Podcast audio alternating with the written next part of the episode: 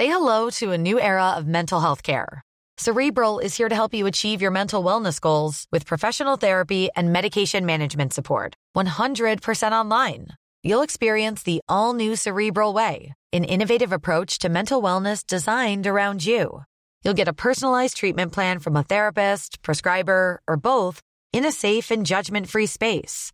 Your cerebral therapist or prescriber will outline a customized plan with clear milestones along the way so you can get to feeling your best. With Cerebral, you're not alone in your mental health journey. We're here to empower you to live a fulfilling life. So take that first step towards a brighter future and sign up today at cerebral.com slash podcast and use code ACAST to get 15% off your first month. Offer only valid on monthly plans. Other exclusions may apply. Offer ends July 31st, 2024. See site for details. Det er klart at Du kan si at det er grisflaks at du hadde, hadde Christian og Gustav der, blant annet. Men det er jo langt fra sikkert at de hadde blitt gode i et annet system.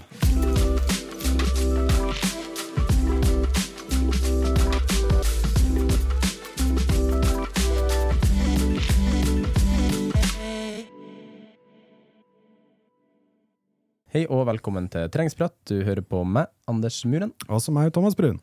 Og I dag har vi med en veldig høy stjerne i boka gjest, for min del i hvert fall. Yes. En uh, trener som uh, jeg ser veldig opp til, og som uh, vi kan jo bare egentlig kjøre på med litt skryt allerede. Som har, Det, er, det. er mye å liste opp. ja, det er det. Men jeg vil jo i hvert fall gå inn for triatlonverden først og fremst. da.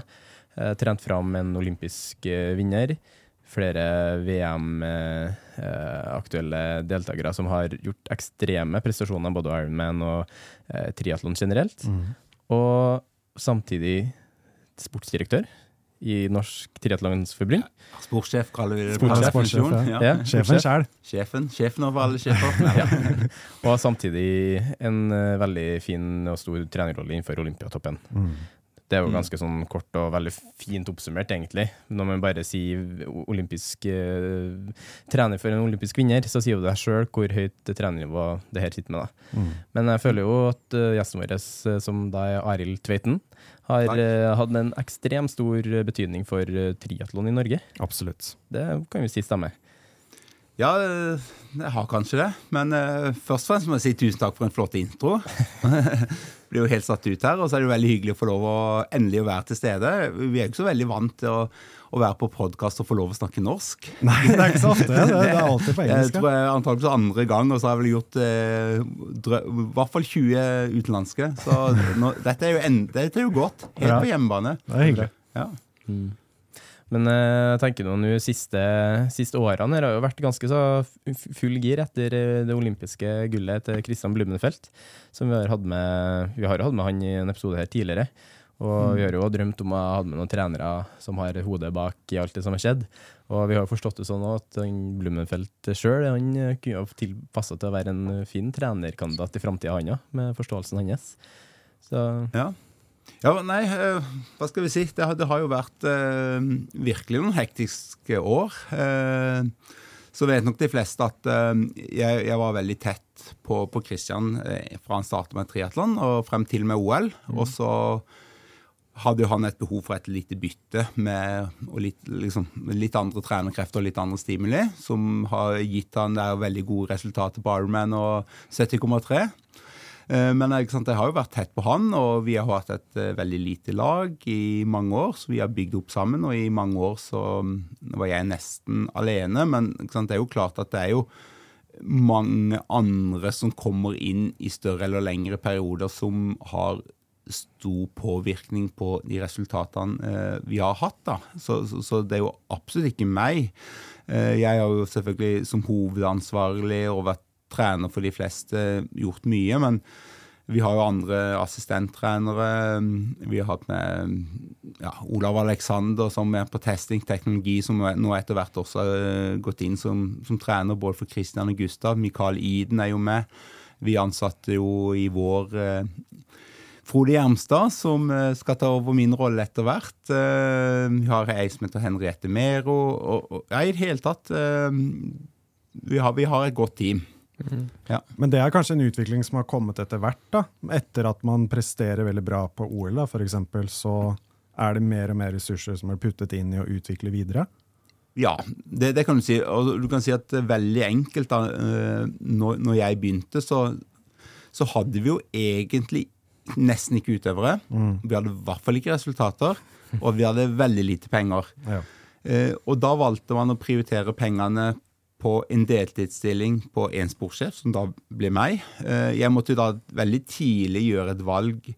Hva legger jeg i rollen sportssjef? Eh, jeg så jo at eh, jeg kunne sitte på kontoret alene og koordinere en veldig flott landslagssatsing, men da hadde vi ikke fått resultater. For det var jo ingen aktivitet i klubber, det var ingen trenere som kunne noe om triatlon. Så, så, så, jeg tok jo på meg en veldig stor og tydelig trenerrolle helt fra dag én. Så, så sportssjefstillinga i Norges Triatlonforbund har alltid vært nesten mer trener enn sportssjef. Og, og, og, i starten så, så, var det veldig viktig Jeg var veldig opptatt av aktivitet. Jeg var opptatt av å få utøverne ut og konkurrere. Jeg var opptatt av å få de med på treningsleir og sette penger på det. Altså som sagt, Vi hadde veldig små budsjetter. Eh, men det var det viktigste. Eh, og så vet du at mye av treninga kan er til en viss grad gratis. Eh, alle, alle som har driver på mosjonsnivå, vet jo at det egentlig ikke er det. men det, det, er ikke det som er kostnadsbæreren. Det som er kostnadsbæreren, er administrasjon. Med trenere, eller lønna personal. Altså, og, og, jeg vurderte det sånn at når vi starta at det var feil prioritering. Først må vi ha fokus på å utvikle utøverne, putte alle ressurser inn der. Og, og når vi får resultater, så, så, må vi etter hvert få inn um, flere trenere, større støtteapparat, for å gjøre det bærekraftig på sikt også for treneren. For det, jeg må jo være ærlig og si at jeg er langt fra sikker på om jeg hadde gjort det igjen. Mm. Og det var nok ikke bærekraftig i starten. Første året så, så var det som sagt det var en 50% stilling. Da var det kanskje 150% jobb. Og så når det var 100% så var det nesten 300% jobb. Ja, ja, ja. og, og det, er jo, det, er jo, sånn og, og, og, vi ser jo det, at det koster mer og mer. Men, men i starten så, Sånn at de, de var unge. Eh, dro vi på treningsleir to ganger to uker i løpet av året. Tre, fire, fem europacuper. Så så, så, kom man ganske langt med det. De gikk jo på skolen, og, og de kunne ikke bare reise rundt. Men, men, men, så ble det jo mer og mer, og så skulle vi ganske fort skulle på høydeleir, og der gikk de jo tre-fire uker på sommeren på det. og så Det er jo ikke mer enn du har gjort det, så skjønner du at nei, du kan ikke bare ha én, du må ha to. Og så har du gjort det, og så nei, vi kan ikke bare ha to, du må ha tre. Mm. ikke sant, og, og, da har du plutselig eh, lagt, brukt eh, tolv uker i året på, på, å være i høyden et eller annet sted, og, og da begynner det å og tida drar seg til. Og så begynner utøverne å bli senior, og så skal du ut og kjøre worldcup eller verdensserien. Og så skal du plutselig til Japan, skal du til USA, du skal til Canada. Og, og, så, da, og, og utøverne i dag som er på høyeste nivå hos oss nå, eh, de, de, har antageligvis 250 reisedøgn i året. Mm. Og, og, det er klart at da, da, er det jo blitt et helt annet maskineri enn det det var når jeg begynte. Men mm. det, det, har vært en del av en naturlig utvikling, også fordi at utøverne har blitt eldre mm. og bedre. Du snakket jo om, eh, som vi har snakket mye om, sånn dedikasjon. ikke sant? Motion, altså, eh, dedikasjon er mye viktigere enn altså, disiplin òg, da. Mm. Krever, det krever et enormt nivå med disiplin for å være på det toppnivået. Ja. Men det er jo litt, eh, krever jo en del dedikasjon og disiplin fra deg også. Så du er jo med på det, du også, og bruker din tid på det, du også. Som du sier, sånn, du har en 50 %-stilling, men jobber 150% og det krever jo litt sånn fra deg òg, da?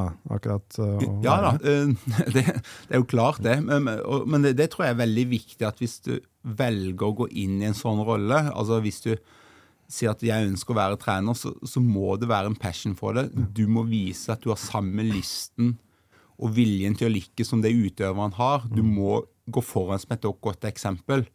Eh, det er ikke at jeg, kan ikke løpe rundt og trene med de hele tida, men, men altså, du, du, må ha samme driven og, og motivasjon. Og når de er i en tung treningsperiode i høyden, så må du gjøre det du kan for å legge forholdene til rette for at de skal klare det. Altså, det er jo bare noe sånn superenkelt. La oss si at de skal ut og ha en rolig løptur en time før de skal på svømming.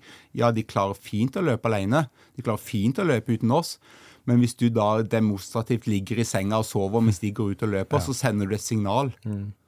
om at uh, det egentlig ikke bryr deg. Mm. Det kan bare være så lite at du i alle fall står opp. Mm. Du møter dem om morgenen og sier 'god tur'. Ja. Da, da, har du vist noe overfor de som viser at du faktisk bryr deg. Ja.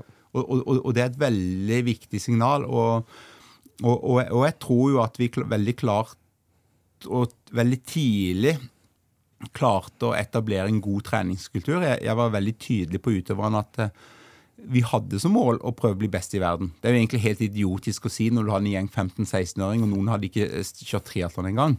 Og selvfølgelig, alle kunne ikke bli det, men, men da har du en målsetning å hele, hele tida prøve å gjøre noe mer jobb og bedre jobb enn det de, dine konkurrenter gjør. Altså, så Vi utfordrer veldig mye på treninga, ganske høyt volum. Uh, men så er det da så har du så få utøvere. Og så innenfor de rammene, for det, det kan du ikke gjøre kompromisser på, mm.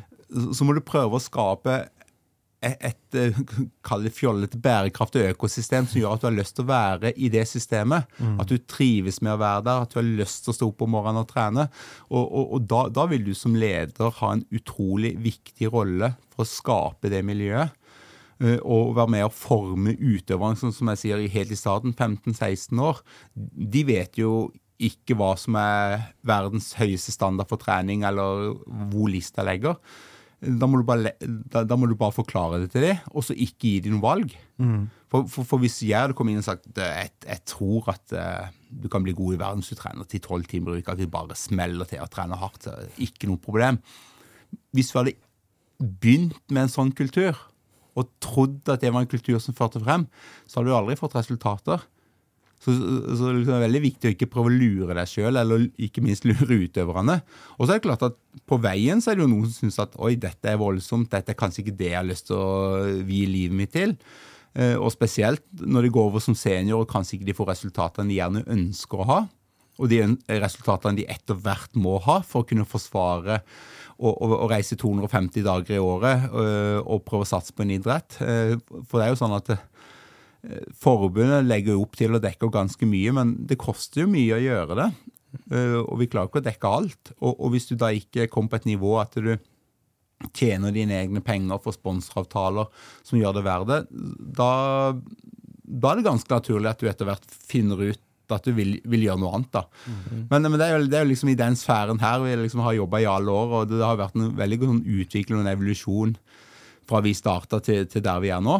Og mange nye utøvere, selvfølgelig, for, men det er også noen som har vært med helt siden starten.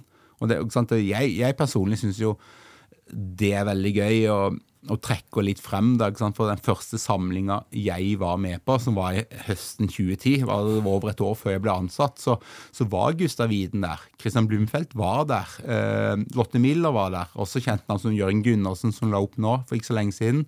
Eh, Mikael Iden, som, som, nå er trener hos oss, var jo der. Og, og så var det tolv andre. Ja. Og, og, og, du, og, det var alle som drev med triatlon i Norge på den tida. så det er jo helt utrolig. Så du, du, har jo på et eller annet vis da, klart å få til en kombinasjon av at du har utvikla den gruppa der, mm. og har, så har du mista veldig få på veien. Ja. Ja. Det er klart, Noen er forsvunnet, og, mm. og de som forsvunner kanskje er skuffa for at ikke de klarte mer enn de skulle, eller de syns kanskje at de var på feil sted. men da har du ganske høy treffprosent, og, og, og, da må du også ha klart å å, å utvikle liksom det der økosystemet på, på, en måte at det er bærekraftig over tid også. Jeg føler jo sånn det du nevner med kultur, da, som er ordnet. Du har fiksa en ekstremt bra kultur, både vinnerkultur, men også et kultur om at man står i det for hverandre. da. Man ser jo det både med eh, det triatlonlaget, eh, mixed stafettlaget, som gjør det såpass bra òg, i flere konkurranser. Man føler at det er utøvere som konkurrerer og trener for hverandre, og for å løfte hverandre fram, da, og for å få mm. den plassen til OL. Ja. Så det er ganske kult å se. Men det har, det har, jo blitt sett på litt internasjonalt, føler jeg, at det å trene som et landslag innenfor triatlon kanskje er litt uvanlig. Fordi det er jo en singelsport sånn egentlig, ja. bortsett fra mixed når du jobber, driver med stafett. Men alt annet så er du egentlig ikke noe avhengig av andre å trene sammen med andre. Men dere hadde jo da en sånn landslagfølelse på starten. da. Ja. Var det liksom alltid meningen, eller var det bare en sånn naturlig ting som Det, det var jo alltid meninga. Eh, og nå skal ikke jeg ta æren for starten, for det at det, det, begynte jo faktisk med et ungdomslandslag. Ja. Eh, hvor faren til Jørgen Gundersen, Stein Gundersen, samla sammen utøvere som han hadde lyst til å satse på et landslag for å bli god i triatlon. Det var jo en tid hvor forbundssatsinga var basert på vilkårlig satsing på vintertriatlon og langdistansetriatlon. Det var ikke noe system på det. Eh, Og, og det han gjorde, var jo å samle unge, lovende utøvere som ville satse. Han fikk tak i annet Christian. Men, men sant, det var jo på et nivå Han ringte rundt til svømmeklubber. Kjenner dere noen av svømmerne som kanskje ikke blir verdens beste til svømme, som dere tror kan løpe bra? Og, og, og, og det var jo nesten på det nivået. Men, men han, han traff jo utrolig bra. Men, men, øh, men, men så er det jo likevel det at øh, du, du må jobbe med de du har. Mm. og, og- og det var jo i starten. Jeg hadde de jeg hadde. Det var ikke noen andre. Det er klart at Du kan si at det er grisflaks at du hadde, hadde Christian og Gustav der, blant annet. Men det er jo langt fra sikkert at de hadde blitt gode i et annet system. For at hvis ikke vi hadde starta dette landslaget, starta med samlinger, starta med å samle de, så hadde de trent hjemme. Og hadde de trent hjemme, så hadde de shoppa trening i svømmeklubben, friidrettsklubben, sykkelklubben. Og så er det ingen som hadde styrt og satt det sammen, lagd et system på det. For det, da, det var ingen trenere som kunne noe om triatlon, eller ville kunne noe om triatlon. Og, og, og i starten så, så var jo det største problemet når utøveren trente hjemme, at uh, trente de med svømmeklubben, så så svømmetreneren en skikkelig særing. Han ville ikke hjelpe de med triatlontrening, og han syntes egentlig det bare var pain in the ass at det, det lå noen gamle, halvgamle triatleter sammen med tolvåringer og svømte, for de svømte så seint. Altså, det var jo kulturen i starten. Og, og, og det var derfor sånn, det, Vi hadde jo da et lag. Vi hadde et landslag, men det ble jo bare viktigere og viktigere så lenge klubbstrukturen var så svak, og ikke du fikk den utviklingen du kunne få i klubb, at eh, vi måtte samle de mer og mer. Det var sånn at det bare balla seg på med, de, med alle de leirene våre. Og, og, og i dag så har vi jo Altså, jeg, har- jeg har slutta å telle, men? Altså, vår beste utøver? Det var fire uker i høyden i januar, det var tre uker i lavland i mars, fire uker i høyden i april. Det er hele tiden. Liksom. Det er hele tida. Altså, nå, nå er mange av de par uker i Portugal før VM. Eh, kjører en runde med World Cup. Fire uker opp i høyden igjen i slutten av oktober, nove- det er jo i midten av november. Og da, og da liksom, egentlig bare glidende overgang fra sesongslutt eh, 10, nei, 7. oktober til sesongstart med første leir som starter 20. oktober igjen. Så, det så, det, det går jo i ett. Og, og, og for treneren også så er det jo samme kjøret. Ja. Men, men vi er veldig opptatt av at det, må, at, det, at de beste trener sammen så mye som mulig, er en fordel. Og så er det individuelle forskjeller. Noen må ha litt mer stimuli hjemme. Eh, mens de fleste liker å være mest mulig på leir. Så, men, men den landslagsmodellen den har vi veldig troa på. Det finnes selvfølgelig andre måter å gjøre det på også. Og har du små treningsgrupper, egne dedikerte trenere, det funker jo også bra. Um, eh, men eh, det er, jeg, jeg mener jo at den norske modellen, norske landslagsmodellen er grunnen til at vi har de resultatene vi har i veldig mange utholdenhetssporter i, i Norge. Absolutt. Altså, det er jo sånn å si Det er jo den, På mange måter er jo den olympisk, det olympiske gullet man kom til til slutt, det er på en måte, prikken over i-en, kan man jo si.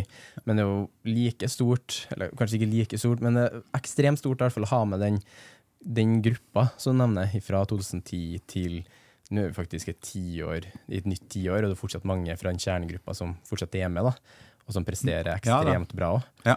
Og det, jeg kan ikke huske på at du finner så mange andre grupper sånn med det første akkurat nå. Men ikke i større grupper. Så Nei, jeg klarer heller ikke å komme på, på noe. Eh, og, og det er nok Altså, det er jo klart at hvis du tar i de store landslagene eh, i langrenn f.eks., så er det veldig mange som har gått hele stigen gjennom alle lagene. Men det er, det er veldig få som har vært i samme landslagsgruppe, samme landslagsmiljø, samme landslagstrenere i hele perioden. For vi har jo samlet, Vi er jo ikke større enn at alle våre landslag er på en måte samla. Så vi har ikke egne Altså ja, vi har egne juniorlandslag, rekruttlandslag og elite osv., men på, på, på mange av de årlige samlingene så er jo alle samla. Ja. Og, og, og, og, jeg har jo, sånn som jeg sier, jeg har jo fulgt type Lotter, Christian, Gustav, eh, Jørgen Gundersen i veldig mange år. For, øh, selvfølgelig Kasper også. Han kom, han kom ikke inn første året, men han kom inn i 2011. L- liksom, og har vært med egentlig helt siden da. Liksom, du, har, du har kjent dem fra de de var små, usikre ungdommer og gikk på videregående. Du, du, du hadde møte med lærerne og krangla med lærerne fordi at de aldri var på skolen og prøvd å få noen systemer til, det, til at de er der de er i dag. Altså Vel etablerte, noen av de med samboere, til og med noen har klart å kjøpe seg leilighet. Mm. Selv om de fleste fortsatt bor hjemme på gutt- eller jenterommet, så, så, så, så, har det jo vært en utvikling. og, og det, er jo, det, det har vært veldig gøy. Og det er også litt vemodig at liksom hvert fall for min del, at det går litt mot slutten. da. Ja, det skjønner jeg. Jeg er veldig nysgjerrig. Det er én ting som jeg lurer veldig på. Vi snakket jo med Christian om dette også i Tokyo da han vant OL. Og han skjønte jo at han skulle bli først, ja. eh, eh, før han kom i mål. Ja. Og han hadde det seiersbrølet og alt det der. Du var jo der. Ja. Hvordan var det for deg? Eh, det, det, det, var helt absurd. Fordi dette har, eh, dette har vært en ti år lang reise, da, ja. hvor dere har sagt på starten vi skal vinne uh, gull ja. i Tokyo. Ja. Nei, det var jo det, det, er egentlig nesten umulig å beskrive det som, men det, det, som er på en måte så rart, da, er jo at man har jo et veldig tydelig mål. Og man er helt klart opp til eksamen, liksom den ultimate eksamen.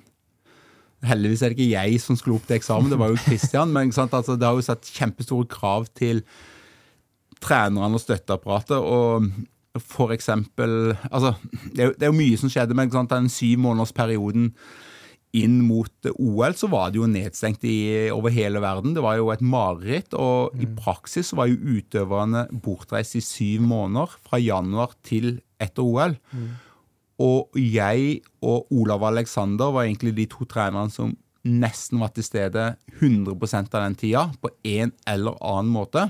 Eh, begge oss to hadde jo små barn hjemme, så det var liksom mye pendling. Altså det var hjem, karantene, mm. ut av karantene, reise ut igjen, hjem i karantene, kunne ikke se folk. Eh, eh, det var liksom jeg kom hjem fra Japan eh, 17. mai på dagen og skulle hente ungene mine. Og, og, og, måtte ha med meg bevis fra si, nesten fra kongen, men fra Olympiatoppen, fra Utenriksdepartementet, at jeg ikke skulle i karantene for at jeg skulle, skulle, feire 17. mai med mine barn innestengt på vår leil i leiligheten vår. Altså, det var sånn helt absurd, da. Ja. Men ok, det var kanskje litt en avsporing, men, men sånn, vi, vi, var jo veldig i bobla. Ja. Og, og så var det jo den ultimate eksamen. Men det som var så fascinerende, er at både trenere og utøvere, og kanskje spesielt Kristian, var, var så sikker på at det var ingenting vi kunne gjort annerledes. Så istedenfor å følge sånn høye skuldre, ekstrem nervøsitet, så, så, var det bare sånn Yes, i dag skal vi ut, i dag skal vi gjøre det. Veldig avsenka skuldrene, veldig, veldig la, fin stemning. Alle var klare. Ingen var spesielt nervøse. Eh, og var bare så digg. Det var jo tidlig start eh, om dagen også, så vi hadde jo en helt absurd døgnrytme i, i OL-landsbyen. Vi la oss i syvtida, sto klokka tre liksom ja. hele den uka vi var der. Ja. Vi så jo nesten ingen andre folk. Eller det vil si, jeg, jeg møtte jo beachvolleyballguttene en dag vi gikk til frokost, for da var de ferdig med sin nattkamp. Altså, ja, vi var jo helt forskjellige i døgnrytme. Ja, pga. varmen, ja. Ja, på grunn av varmen, for vi hadde konkurranse seks om morgenen. Og, og, vi hadde Men altså, vi var i bobla. Vi var så sikre på at vi kunne ikke gjort noe annerledes. Vi så at utøveren var i form. Vi så at Kristian eh, var veldig avslappa. De andre var det samme. Eh, det var selvfølgelig litt nærmere, men sjelden har følt meg så avslappa noen gang. Mm. Men så er det jo klart at når løpet starter, så er det jo Og jeg sto jo på sidelinja hele tida. Og det var jo sånn Ja, jeg kunne gjerne håpet at de var litt lengre fremme etter svømminga, men OK, vi var sikre på at de skulle ta det igjen på sykkel, men det er liksom men hva hvis noe skjer? Så, så, så da, da, ble, da, ble, det litt nervøsitet, da. Men, men, samtidig, når de begynte å løpe, så, så fikk jeg litt roen igjen.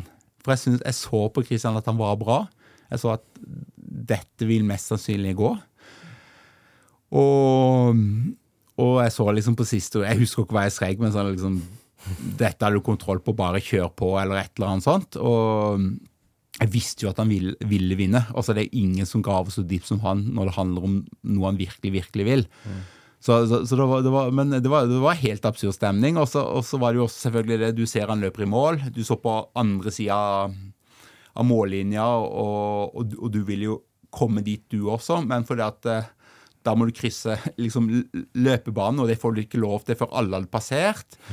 Og, og, du bare står der og tripper, og så, så prøver du å snike deg over, så blir du holdt tilbake, og så til slutt så bare løper over. Eh, for jeg skjønte jo at, at jeg, jeg, kunne gjøre det uten å ødelegge for noen andre. men men da var det jo ti minutter til man kom i mål, da. Så, så nei, det var, det var, så veldig rart, da. Men, men som sier, oppsummeringen er at det var en veldig ro på morgenen og veldig trygghet på at vi var så godt forberedt som vi kunne, og at han var klar til å ta, ta OL-gull. Og, og, så kommer spenninga og nervøsiteten mest under løpet, da. For da tenker du på hva som kan gå galt. da. Mm. Men, men det, det, er liksom kanskje once in a lifetime-opplevelse. Håper jo selvfølgelig å få det igjen, da, men er, er man litt rasjonell, så så det er ikke så veldig ofte man får sånn mulighet, og det skjer. Mm, sant. I hvert fall ikke med en gruppe og en av de standoutene som har vært der fra 2010. da. Så skrur man jo elleve år senere, så står man der, som i den situasjonen dere er Det er rått. Ja. Mm. ja, ja, det er klart det. Det er rart å tenke på at det er jo bare ja, ti måneder ni-ti måneder til neste OL. Så, ja, tida går altfor fort. ja, i hvert fall i koronatida. ja. Så, hm. Hvordan er uh, håpet for neste år, da? Det var jo prøve-OL. Ja. Som eh, var nå for ikke så lenge siden. Ja. Uh, og det er jo, de har jo da gått fra dominere i langdistanse, Ironmans, siden OL, og så ja. nå gå ned til kortdistanse igjen. Hvordan ja. Ser du for deg neste år kommer til å bli? Det, det, er jo spennende. Eh, altså, vi må jo være ærlige og si at uh, prøve-OL gikk jo mye dårligere enn det vi trodde for vår del. Kristian var for så vidt ganske bra. så, det er helt stille for om han ble nummer ni eller ti, men altså, det er ikke det samme som å vinne. Førre prøve-OL så kom han jo ikke i mål, for da tryna han jo på sykkel. Så du kan si at det var i hvert fall bedre enn i, før Tokyo. Men, men, vi, men, vi, hadde jo samtidig Kasper på pallen i, i prøve-OL i Tokyo. Sånn at resultatene nå var jo sånn sett dårligere, og, og det er vi jo skuffa over. Um, så at stafetten ikke helt leverte som vi skulle, men der er det også sånn vi ser at det ble jo duatlon, er et annet format enn det vi har trent for. Og så mm, var jo tidsdifferensene veldig veldig små. Så, så, jeg er jo sånn, jeg ser jo muligheter. Um, men, men, det, men, det, er jo klart at uh, fortsatt så er det jo Kristian som er vår, vår beste håp uh, i OL.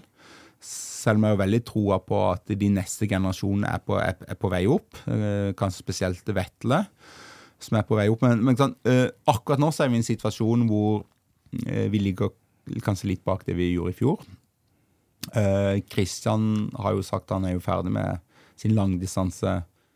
Fokus, altså I år så har han jo gjort et litt kombiløp. Ikke de ekstreme lange, men han hadde jo en ganske tøff periode nå hvor han har kjørt en del PTO og um, halv Ironman, og så har han jo hatt fokus eh, også på OL-kvaliken, så han er jo klart det han skal. Mm. Og jeg tror jo at han klarer å løfte seg opp på det nivået som, som trengs å kjempe om medalje ved bare fokus på kortdistanse. Eh, og så tror jeg at våre andre utøvere kan gjøre det. Og så har jeg jo veldig troa på at eh, vi har stafettlag som er i miksen for å kunne ta medalje. Og, og det er klart, det, det er ganske jeg personlig så vil jo verdsette en mix relay-stafettmedalje veldig, veldig høyt. For det, det, det, kreves så mye av hver enkelt utøver. Um, og de store nasjonene er sinnssykt gode. Frankrike, England, uh, USA. Det skal, det skal kjempegodt gjøres å klare å løfte det opp det. Og, og vi, har, vi har også en situasjon hvor vi har ikke en haug av utøvere å velge mellom. Vi har egentlig, vi har egentlig bare det stafettlaget, vi. Så har vi ingen andre. Mm. Og, og, og, jeg elsker jo den der utfordringa å lykkes med de du har, da. Mm. Så, så, så, så, jeg har veldig troa på det. Men uh, det kommer vi til å jobbe på. Og så er jeg helt sikker på at Kristian uh, kommer til å løfte seg opp et nivå, at han kommer til å være der opp. men det å kunne forsvare OL-gullet blir tøft, og det er nok tøffere å stå på pallen nå eh, enn det de gjorde i Tokyo. Men altså, det er jo en del av utfordringa man elsker. Så, så man, man, man, gjør det man skal, og jeg vet at Kristian eh, gjør det han kan. Og han sammen med Olav Alexander prøver å gjøre de forberedelsene de kan for å være i den posisjonen. Og, og, så, og, og, så, jobber vi veldig tett med, med den gruppa utøvere vi har, og så må, må, vi se hvordan det blir til slutt. Den siste lille ting som også påvirker litt i forhold til til OL eh, denne gangen, spesielt på herresida. Altså i, i, Tokyo så hadde vi jo tre gutter og ei dame med. Nå ser vi ut som vi har to pluss to. Eh, det betyr altså to menn. Mm. Og vi ligger jo på etterskudd i forhold til å få den tredje mannen kvalifisert. Det er ingen nasjoner som kan ha mer enn tre eh, utøvere ett kjønn med. Og, det krever ganske høy ranking av utøver nummer tre. Og vår tredje utøver, eh, tredje-fjerde utøver, Kasper Stornes Gustav Widen, har jo slitt en del med skader og litt setback i, i, løpet av de to siste årene. Og altså, Gustav prioriterte å vinne Ironman Hawaii i fjor, og ikke, ja. ikke nødvendigvis kjøre så mye løp i OL-kvaliken. Ja. Så, sånn at eh, de ligger jo etter skjema, og, og det, veldig, det blir veldig krevende dans å løfte de opp på en måte at uh, vi har de inn som medaljekandidater, eller først kvalitet til OL, da. Mm. For får vi tre menn til OL, så har vi litt flere kort å spille på under selve konkurransene. Ja. Men det, det, er som du sier, altså, altså det har jo Én ting er jo at nivået generelt internasjonalt har jo også løfta seg enormt, føler jeg, de siste par årene også. Ja. Eh, det er klart, altså dynamikken i løpene er blitt eh, annerledes, hvis du følger veldig tett med på. så um, typisk før. Altså, nå er det veldig mange flere som svømmer bedre. Ikke nødvendigvis at de beste svømmer raskere enn før, men, men, men, det er flere som er bra på svøm. Eh, og så er det blitt en helt din, annen dynamikk på, på sykkel. At de, de, de, som er veldig gode til å svømme, er de fleste også blitt veldig veldig mye bedre til å sykle. Mm. Så, sånn at eh, det som skjedde inntil Tokyo, hvor hvis Christian eller Gustav hadde en lik svak svøm, så var det ganske grei skuring å kjøre opp til tetgruppa det er ikke spesielt grei skuring lenger, for de mm. produserer så sinnssykt mye mer watt mm. jevnt over på de aller fleste konkurransene. Eh, og det gjør at eh, folk er mer slitne når de begynner å løpe, men det er også eh, andre, annen dynamikk. og Christian har jo liksom opplevd noen ganger at han må jobbe fælt for å komme opp til den gruppa. Bruker mye krefter. Uh, Hayden Wild, som ble nummer tre i Tokyo, har også vært litt i samme situasjon. Mens f.eks. Alex Yee har tydeligvis klart å komme opp der. Så, så mm. han um, på papir ofte har en litt enklere reise enn et par av de største utfordrerne. Og, og han har jo vist det med, med veldig sterkt løp. da. Mm. Uh, men så er det også sånn at det, det er jo det vi ser. Og, og, vi så det jo i Paris at um, Christian Svømming er kritisk, mens akkurat nå så er Vettel og Kasper høyere for oppe. Men, men i, akkurat nå i Paris under testevent, så, så, var det en annen dynamikk. Da var det liksom litt tilbake til gammel dynamikk, at det var ingen som virkelig tok initiativ på sykkel. Det ble kjørt veldig kontrollert, og stort sett de aller fleste klarte å samle seg. altså eh, Christian Hayden Weil var i en gruppe langt bak, ikke noe problem å komme opp til tetgruppa og, og starte å løpe med de, eh, de beste. Sånn at eh, denne gangen så, så, var det ganske enkelt, litt sånn, litt, litt sånn som det var før Tokyo. Um, men da har jeg liksom også prata litt med en del utøvere, f.eks. franskmennene. De, har, de er ofte sterke svømmesyklister. De pleier ofte å sette fart eh, på sykkel. Eh, men nå sa de at eh, for de handler det bare om å sikre seg sin OL-plass. Og det var ingen av de som normalt er veldig kjøresterke på sykkel, som hadde ønsket å bruke kreftene på sykkel, for de ønsker å sikre seg på løp. Ja. Så, så, derfor så, Blant annet derfor da, så ble det en litt annen dynamikk. Men jeg tror det blir kjørt mye tøffere når vi kommer til selve OL. Da er det nasjoner som er tjent med at det kjøres hardt. og, og, og vi som nasjon er veldig tjent med det. Så Derfor er jo vårt drømmescenario at vi har tre menn som kan være med å påvirke og sette fart. Mm. På damesida er det jo igjen akkurat det samme utvikling. Eh, og, og, og, da jobber vi jo veldig mye med at vi må løfte opp jentene på svøm, for de er jo blant de sterkeste syklistene vi har. Mm. Eh, og, og, klarer vi det drømmescenarioet at de er helt fremme opp av vannet på svøm, så vil de kunne være med og sette sitt preg på syklinga. Nå har det blitt litt sånn at de kommer litt langt bakfra etter svøm, og så, så drar de med seg opp eh, rubbel og bit av svaksyklister, sterke løpere på, på vei opp til teten og så blir det en eh, løpskonkurranse. Eh, og det, det, det, vil jo prøve å unngå. Eh, men også prøve å få de til å utnytte de fordelene de har med de sterke egenskapene de har på sykkel. Mm. Det er mye taktikk òg, ja. Ja, ja, det, er- det er mye taktikk, altså. Jeg merker jo det sjøl når jeg kjører ø, olympisk eller sprint. Da, når jeg, har gjort noen ganger bare for å få litt sånn eh, Hva skal jeg si For å få både konkurransefølelsen, men òg bare for å kjenne på litt sånn bryte opp de langdistansene. da. At det, du merker det veldig på sykkelbiten. At her eh, Du kan peise på litt ekstra, men du merker jo at man må være litt forsiktig òg, så at man ikke merker det veldig merkbart på løpinga. da. Ja. Så um, det er jo litt sånn spennende synes jeg, å se i hvert fall sånn norske landslag har gjort de siste årene, eller ikke norske landslag, men eh, i hvert fall Kristian og Gustav. Ja. At de har gått fra den olympiske, altså gikk rett til Ironman og eh, beisa på der. Og så de sa, som å stjele godteri fra små barn Ja, og ta tittelen der. Det var veldig spennende å egentlig se da, at eh, det går an å kombinere så to veldig like ting, men egentlig også veldig to veldig forskjellige ting. Mm. Så det er spennende å se den fasen tilbake nå, da. Når man kommer fra en 70,3 og PTO-konkurransen har vært med på, tilbake til OL. Ja. Så spennende for litt sånn nerder som meg, i hvert fall. Ja, ja, eh, og det er jo det. Mm. Og, og det er jo spennende for, for veldig mange, inkludert eh, meg sjøl. Altså, altså, historisk sett, da, så er jo de beste på Ironman har gjerne kommet fra kortdistanse, så går de over når de begynner å bli eldre. Og da er det ingen grunn til at de skal gå tilbake til kortdistanse. Så, så vi har aldri sett, og hvis de prøver, så går det sjelden bra. Ja. Fordi at de er for gamle. Ja. Mm. Men, men, men nå har vi jo Nå er det jo annerledes. Vi har relativt unge utøvere som, som nå ønsker å gå tilbake, men, men vi vet jo egentlig ikke hvordan det vil gå. Altså Jeg syns jo at eh, de har vist veldig lovende takter som viser at eh, det skal være mulig å gå. Men, men, men sant, det er jo klart at vi ser nå at på kortdistanse så begynner nivået på løp å bli høyere. Eh, og også hvis du drar sånn veldig forenkling av utvikling av olympisk triatlon, så de før, sånn, mm, beste løptidene i mange år var jo de de hadde i eh, 2009, 10, 11, 12. Altså eh, London Olympic med Alice Bromleys syke løpstider. Skyldes til en viss grad eh, Det var kanskje litt løssluppende med måling av løypa, men, men også fordi at det- ble ikke kjørt så hardt på sykkel. Eh, og så ble det en periode mot Tokyo hvor det var mer trøkk, mer fart på sykkel. Eh, brukte mer krefter, hvor løpetidene egentlig ble seinere igjen.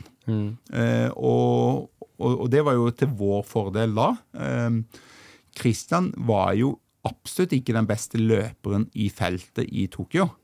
Eh, det er jo Alex Ihar som har en pers på 27,50 eller sånn på 10 000 meter på bane. Altså Christian har jo aldri løpt i- under perfekte forhold, men la oss si i beste fall altså han har vært ett minutt dårligere. Men han klarer jo likevel å løpe fortere i triatlon. Det, er det er jo fordi at han da tålte det bedre.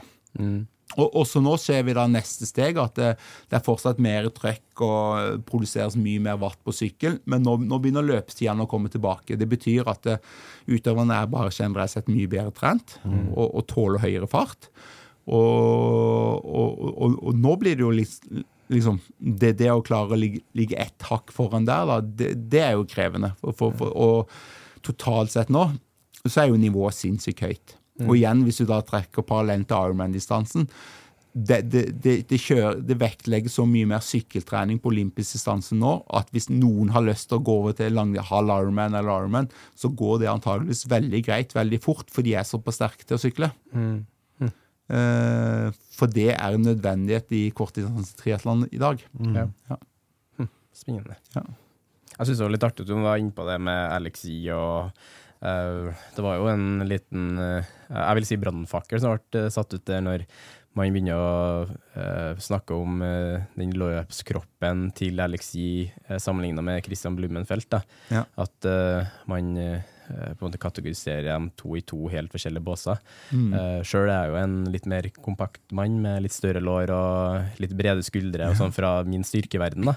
Og synes det er sånn det er godt å se at ikke de i hermetegn typiske løpekroppene som er den som kommer først i mål. Ja. Så jeg syns det var en sånn seier på mange måter, det, og at det, det er mye som kan gjøres uansett hvilken kropp og behov man har. da, egentlig. Da. Ja, ja, ja. Eh, helt klart. Eh, og jeg tror jo at eh, altså LXI har jo en typisk løpekropp eh, som har blitt god til, til å svømme. Det er jo nesten eh, overraskende. Eh, men han er jo relativt lang, da. Men, men, men det er jo klart at ser du den typiske mannlige eh, triatleten i dag, så og så er jo kanskje ok, Christian på den liksom litt kraftigere sida, men liksom Vincent Louis, Leo Badger, Hayden Wild Alle de er jo relativt kraftige og kompakte. Altså De ser Mm. veldig veltrente ut. De ser ikke ut som løpere. Mm. Du ser det er mye muskler, det er mye power, både i lår og overkropp.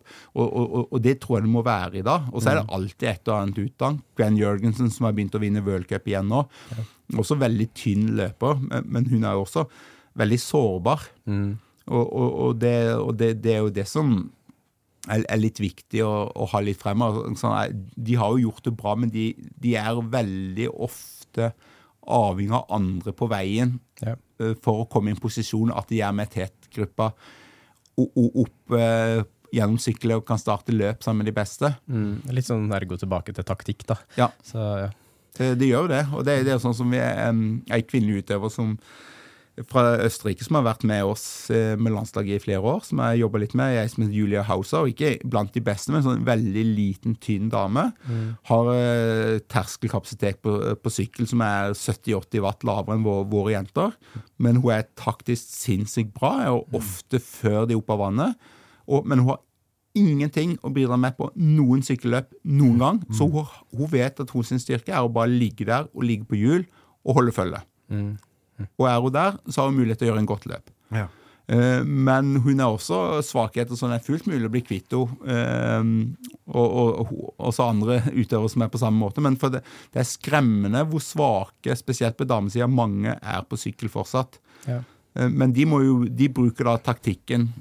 De trenger andre. Og, og mitt poeng er jo at skal du bli en komplett eh, triatlet i dag, så må du kunne spille på flere kort enn at noen andre må dra deg frem til tetgruppa eh, underveis i sykkeletappen. Du må kunne skape noe sjøl, på svøm, på sykkel, også på løp.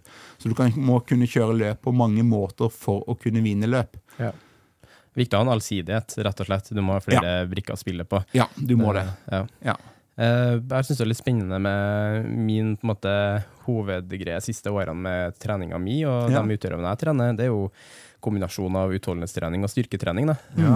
Eh, Det har jo på en måte- måte blitt min nisje egentlig de siste årene. Og- Hybridtrening. Ja, Hybridtrening, ja, ja. kan man si. Og det er jo noe jeg sjøl har drevet på med. og for min del på mitt mosjonistnivå har jo funka kjempebra. Og syns det er litt artig å ha et sånt image der det går an å ha eh, litt bakgrunn fra styrketreninga fortsatt presterer greit på utholdenhetstreninga. I hvert fall på Ja. mitt nivå. Ja, ja. Hvordan egentlig, Hvis du tenker inn i topp topp triatlon-nivået nå, hvordan har dere tenkt på styrketrening, egentlig? Nei, da- da skal jeg være ærlig og si at vi er helt motsatt. Eh, Det er vel knapt nok noen av utøvere som vet hvordan en vektstang ser ut. sånn, eh, men altså, altså det, det er jo mange måter å se det på. Men um, i, i praksis så kan vi si at uh, de fleste utøverne og beste utøverne på landslaget ikke har brukt styrketrening som en aktiv del av sin trening for å utvikle seg som triatlonutøvere. Eh, og er det, For jeg mener at det ikke har vært nødvendig. Jeg mener at i de volumene vi har, så vil styrketrening påvirke restitusjonsevnen og muligheten til å tåle den andre treninga du skal gjøre med god nok kvalitet. Eh, og, og, og, det ser vi eh, funker bra for våre. Eh, vi, vi, hvis du forenkler det veldig, da, så er det veldig lett å si at ja, men skal du sykle fort, skal du trø 370-80 watt på terskel, så må du ha mye styrke i beina.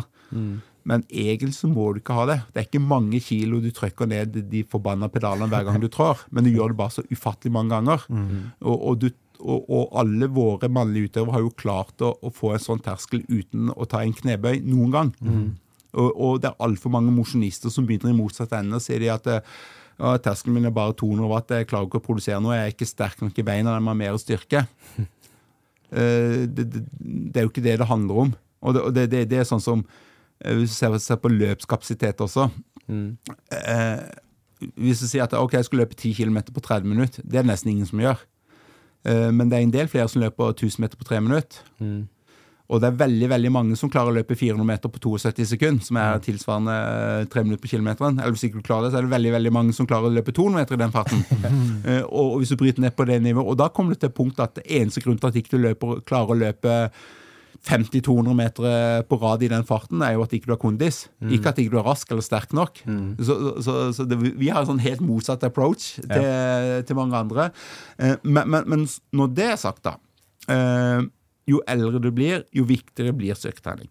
Og for en del utøvere så har vi veldig tro på spesifikk styrketrening, i, ofte på overkropp, eh, spesiell muskulatur, for å lære å aktivere muskulaturen på en god, effektiv måte. Og som jeg sier som en mosjonist, så vil jeg sagt at jo eldre du blir, jo viktigere er det å prioritere styrketrening. Eh, til og med jeg som er fylt 50, har jo, eh, har jo erfart at det må jeg rett og slett. Eh, for det er viktig. Og, og, og så det er liksom viktig å ha to tanker i hodet på en gang, da, men eh, det, akkurat den der balanseringa men, men er viktig. Og som jeg sier, men vi har sånn egentlig helt motsatt approach enn de fleste andre. og Olympiatoppen og fagekspertisen der, de ønsker jo hele tida å trykke på styrketrening på våre utøvere, men eh, vi, vi ser jo at eh, det er egentlig ikke nødvendig. ser jo det, Jo høyere nivået blir på den utholdenhetsidretten, jo mindre viktig er den styrketreninga, nettopp pga. hvor mye tid som brukes på den utholdenhetsbiten. Ja. Du, jo, sånn, du blir jo god på det du trener på. Ja. Og jeg kan ikke huske på at du har benkpress i triatlon. Nei, nei, så vidt jeg vet, så, så har vi ikke det. Så, og, og, og sant, Det er jo et poeng, men, Ja. men for all del, altså um, Hvert miljø har, har litt forskjellige varianter. Jeg vet jo at i friidrett uh, Ingebrigtsen-brødrene de, de trener litt styrketrening. Uh, og, og en del andre I svømming er det veldig vanlig å gjøre det. Da må du ha litt mer rå, spesifikk muskelstyrke i overkroppen. Og så, så, så, så det, er jo, det er jo liksom ingen regel uten unntak. Men jeg vil, jeg vil jo presisere at jeg går ut fra at mange som eh, hører på her, ikke er profesjonelle triatlonutøvere, men de er vanlige mosjonister. Så, så vil jeg jo prioritere å, å, å trene litt styrketrening, og du kommer kjempelangt hvis du tar én beinøvelse, eh, bein, beinpress, knebøy, mm. benkpress, variant, en eller annen eh, ryggøvelse, nedtrekk. Hvor det, er sånn, liksom, tre super basic øvelser. Da kommer du veldig veldig langt. Klarer du å legge på tre øvelser til, så er du i mål. Ja. Det er veldig bra at vi er enige der. da At Ja. det, Du trenger ikke overkomplisere det veldig. Altså, gjør det, Som vi driver på med triatlon, da, at man gjør det litt spesifikt imot eh, nedtrekken mot svømminga, f.eks. Ja. Og det er, jo, det er jo veldig også til det hvis du f.eks. får vondt i knærne dine når du løper. Så Ja. er det noe som du må fikse på for at du kan løpe mer. Ja. Da hjelper det ikke å bare løpe mer. Da, får, da får du en skade, da. Ja. Så det er jo litt det også. Skadeforhindring er jo det. Godt å høre, høre at du har lært det. Ja, jeg, fulgte med litt, jeg hadde jo veldig problemer med kne, ene kneet mitt da jeg begynte gjorde mitt første triatlon. Mm. Og da måtte jeg bygge opp knærne et, over tid. da.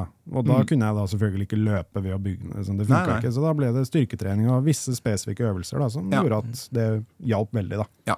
Eh, Og, og, og, og, det, er kjempeviktig, både med for å bygge opp etter skade, men skadeforebygging. Mm. Men der vet du også, da, da er det ofte ehm, Det er mange måter å tenke styrketrening på. Det er en som har de store muskelgrupper og tunge vekter dit og datt. men for skadeforebygging så er det jo veldig ofte kroppsvekt, det er kanskje ba balanseelementer Ja. Ja, ja, involvert, kanskje til og med strik. Og hvis det er vekter, så er det veldig lette vekter, for da er det ofte små, spesifikke muskelgrupper som, som skal trigges og utvikles. for at eh, Vi vet jo at eh, har du et kneproblem, uansett hvilken skade, så så hjelper det veldig ofte å gjøre styrke i, i, i gluteus eh, bak eh, i rumpa, muskulatur, hofte, jobbe med det. Og, men altså, OK, det, det, er jo mange måter å, å se det på. Men Ja. eh, jeg har jo også hatt eh, min dose med småskader hvor jeg måtte gjøre litt sånn av og til. Men, eh, men, men sant, der er det også sånn at eh, det er også lurt å gjøre i forhold til forebygging. Det er ofte sånn at det er også et sånn tip til, tips til mosjonister hvis du blir tvunget til å gjøre en styrkeøvelse for, fordi du har fått en skade. Det er lurt å fortsette å gjøre de samme øvelsene også når du er skadefri. Da vil de fleste velge det vekk igjen og bare prioritere å løpe. Og så kommer du tilbake igjen. For en eller annen gang så, er, så mister muskulaturen styrken, og så er du på'n igjen. Ja. Det er veldig mange som kommer til meg og vil ha meg som eh, coach eller trener, som gjerne har kommet fra en skadeperiode. Og Ja. det første jeg vil ha med da, er hva de har hatt som gjenopptreningsprogram, Ja. for å kunne implementere litt av treningsøvelsene derfra. Så man jobber med noe som man vet man har fått anbefalt fra noen som faktisk har sjekka opp skaden, Mm. eh, og som vet kanskje litt hvor man burde sette fokuset. da. Ja. For eh, vil man løpe mye og f.eks. sykle og uh, svømme mye også, samtidig, Ja. men man har en sånn skade li liggende litt sånn i nylig tid, da, så er det greit å ivareta den fjerde disiplinen som Ja. styrketrening i den delen. Ja, det er, jeg jo helt enig i det, selvfølgelig. Ja. Men uh, igjen, spesifisitetsprinsippet, da, uten tvil. Og skal du vinne eh, OL-gull i, i triatlon, da er det svømming, sykling og løping som må prioriteres. det, det er akkurat det som gjelder. Og, og, og det, det, det tror jeg også sånn, sånn også veldig enkelt. sånn, Du må være spesifikk. Du må trene på det du skal bli god på. Ja. Og, og så er det også Ja, det, det er liksom Ikke glem det, da.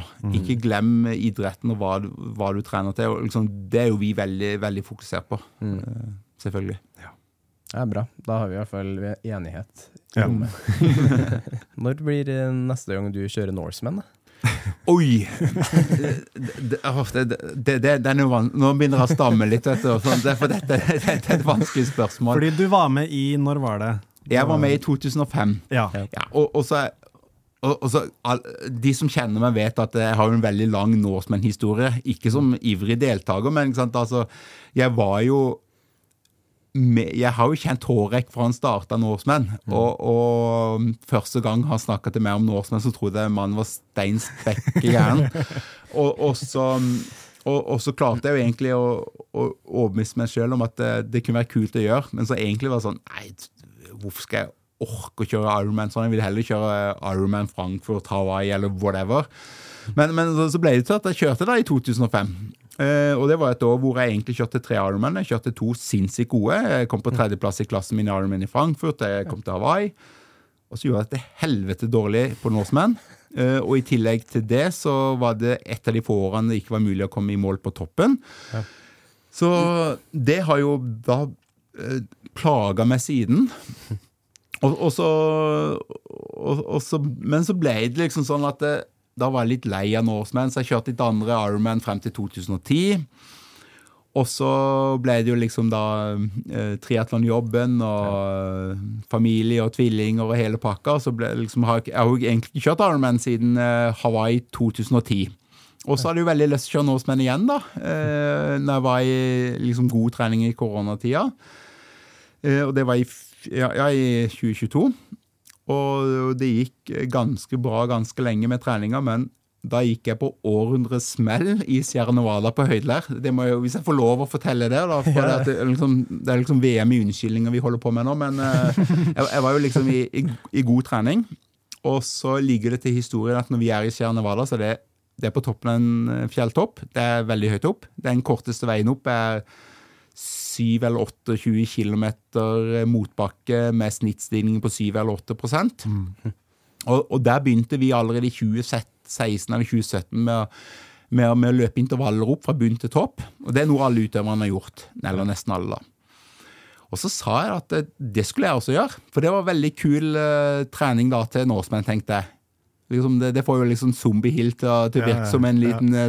slak motbakke på noen få kilometer.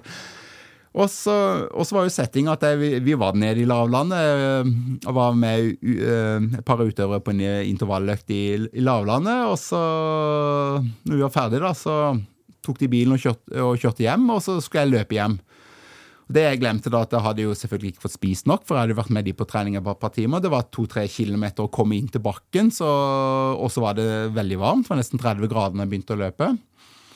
Og det gikk veldig greit et par timer, så ble det bare verre og verre og verre og verre og tyngre og tyngre. Og tyngre. Og den økta den, den sugde alt jeg hadde ut av kroppen min. Og jeg gikk på århundrets overtreningsmeld etterpå. Og, og har nesten ikke klart å hente meg inn etter det. Og så på toppen av hele litt, sånn litt triste biten er jo at jeg kjente at kroppen ikke funka, og så inn og ut på, på, på litt helsesjekker og leger og sykehus og alt mulig, så, så har jeg litt sånn hjerterelaterte greier som viser at jeg er faktisk litt usikker på om jeg klarer å få fiks på det og reparert det sånn at jeg noen gang kan komme tilbake. Så det er jo litt trist i det, men eh, jeg har jo ikke gitt opp håpet, da.